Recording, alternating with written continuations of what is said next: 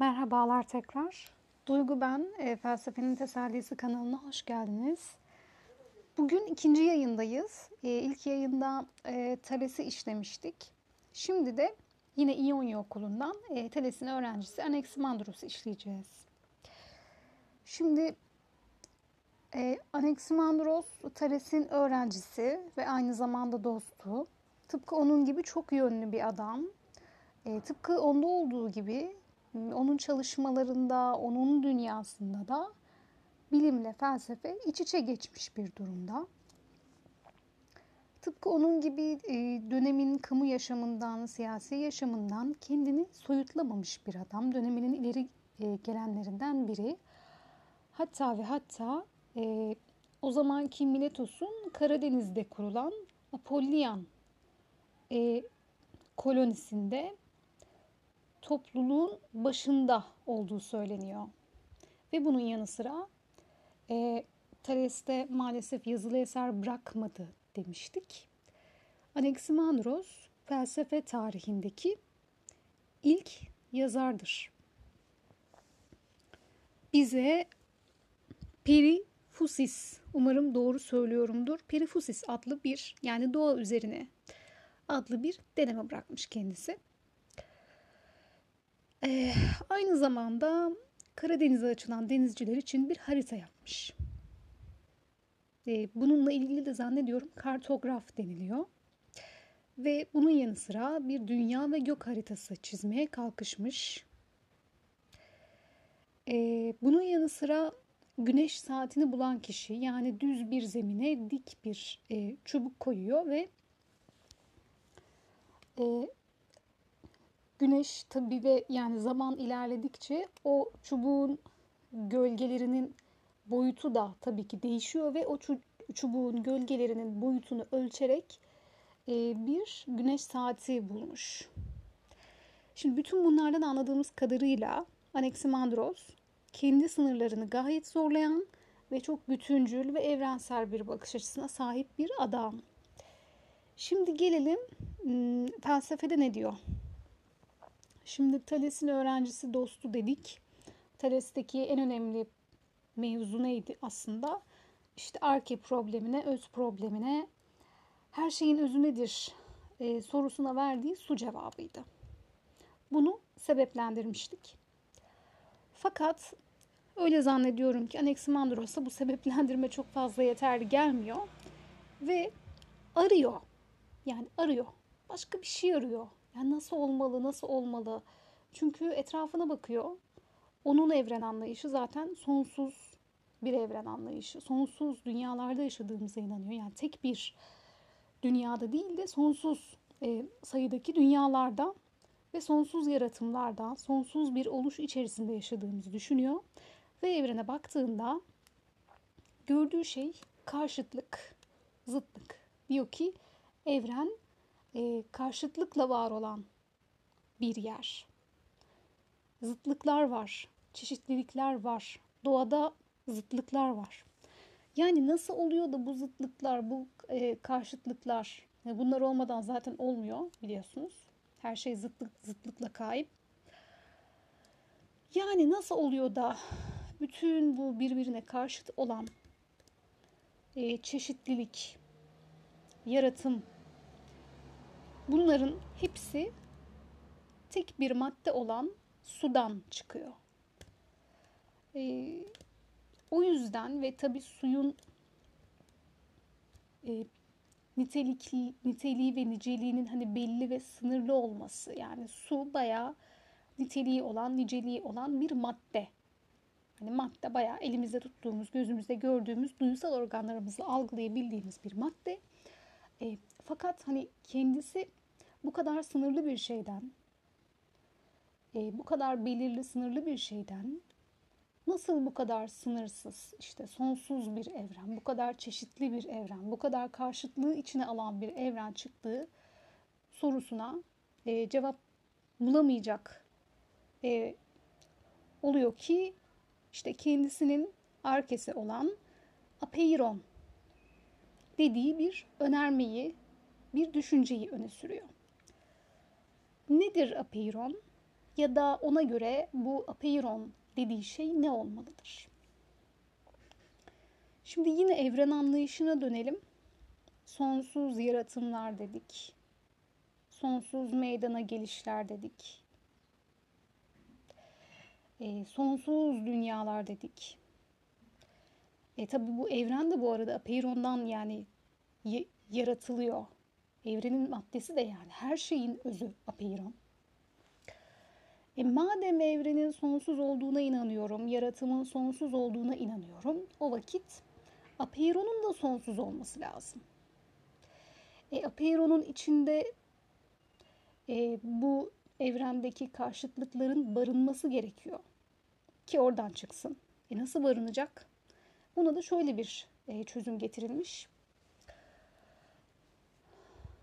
Apeiron'un içinde potansiyel halde bütün karşıtlıklar vardır. E, fakat potansiyel halde olduğu için, açığa çıkmadığı için Apeiron bu haliyle gayet tarafsızdır deniliyor. Tamam bunu da hallettik. Başka ne olmalı bu apeiron? Apeiron kocamaz olmalı, ölmez olmalı, yok olmaz olmalı, canlı olmalı ve hani dönüşebilen olmalı sürekli. Çünkü bir yaratım var ve bir oluş var. Bir bir dönüşüm var. Hani ileride geleceğiz zaten o dönemde işte Herakleitos'un öne sürdüğü işte ateş önermesi gibi. E, apeiron dönüşebilen bir şey olmalı. Ve işte o yüzden canlı olmalı ve bütün bu özelliklere zaten baktığımızda hani kocamaz, ölmez, yok olmaz, sınırsız, sonsuz, dönüşebilen, canlı diye baktığımızda bu da bizi aslında Apeiron'un e, ciddi anlamda tanrısal bir şey olması gerektiğine de getiriyor. Yani bir yanıyla Apeiron da gayet tanrısal bir şey. Şimdi tabii bundan bahsederken şey kelimesini kullanıyorum çünkü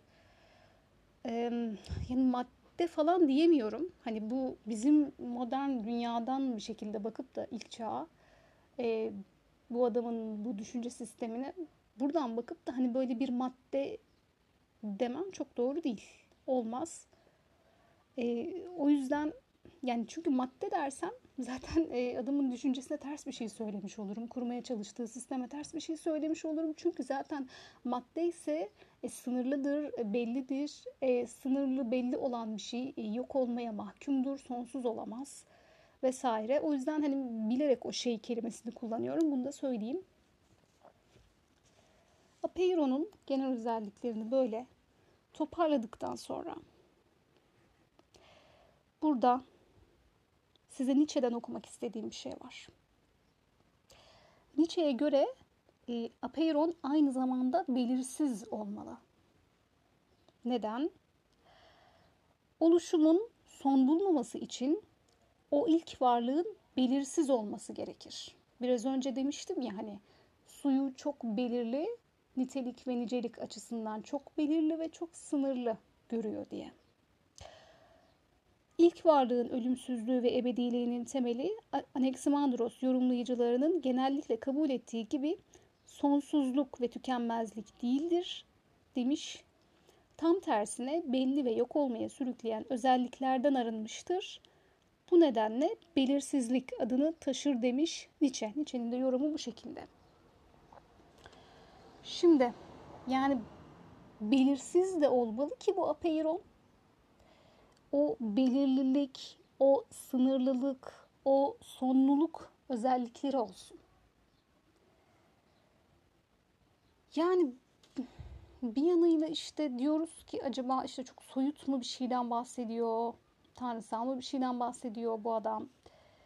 E diğer okuduğum kaynaklarda mesela bunun aslında soyut kelimesini kullanmamamız gerektiği, e, buna soyut demeyelim, hani müşahhas bir şeyden bahsediyor e, diyelim diye diğer kaynaklardan da böyle yorumlar okudum. O yüzden müşahhas kelimesini kullanmak istiyorum.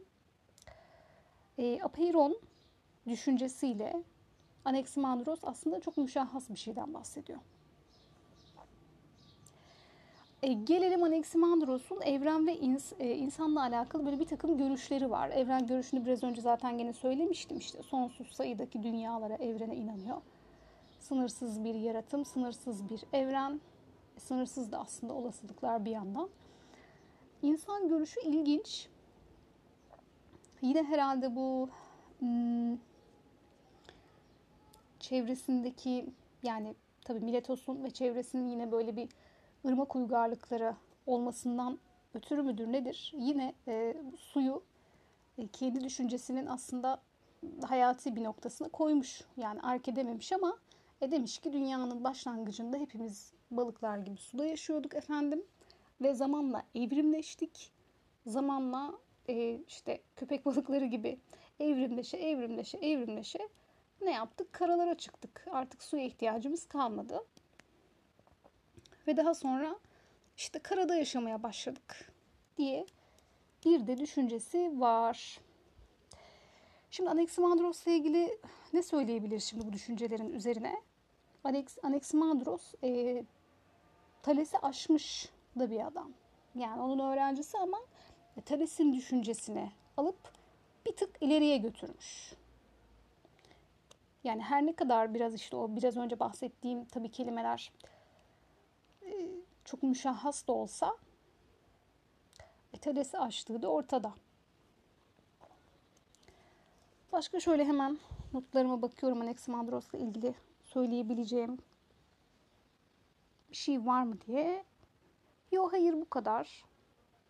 E, İonya okulunun ikinci filozofuydu. O da bir doğa filozofuydu. E, bir sonraki yayında İonya okulunun üçüncü filozofuyla karşınızda olacağım. Beni dinlediğiniz için teşekkür ederim. Hoşçakalın.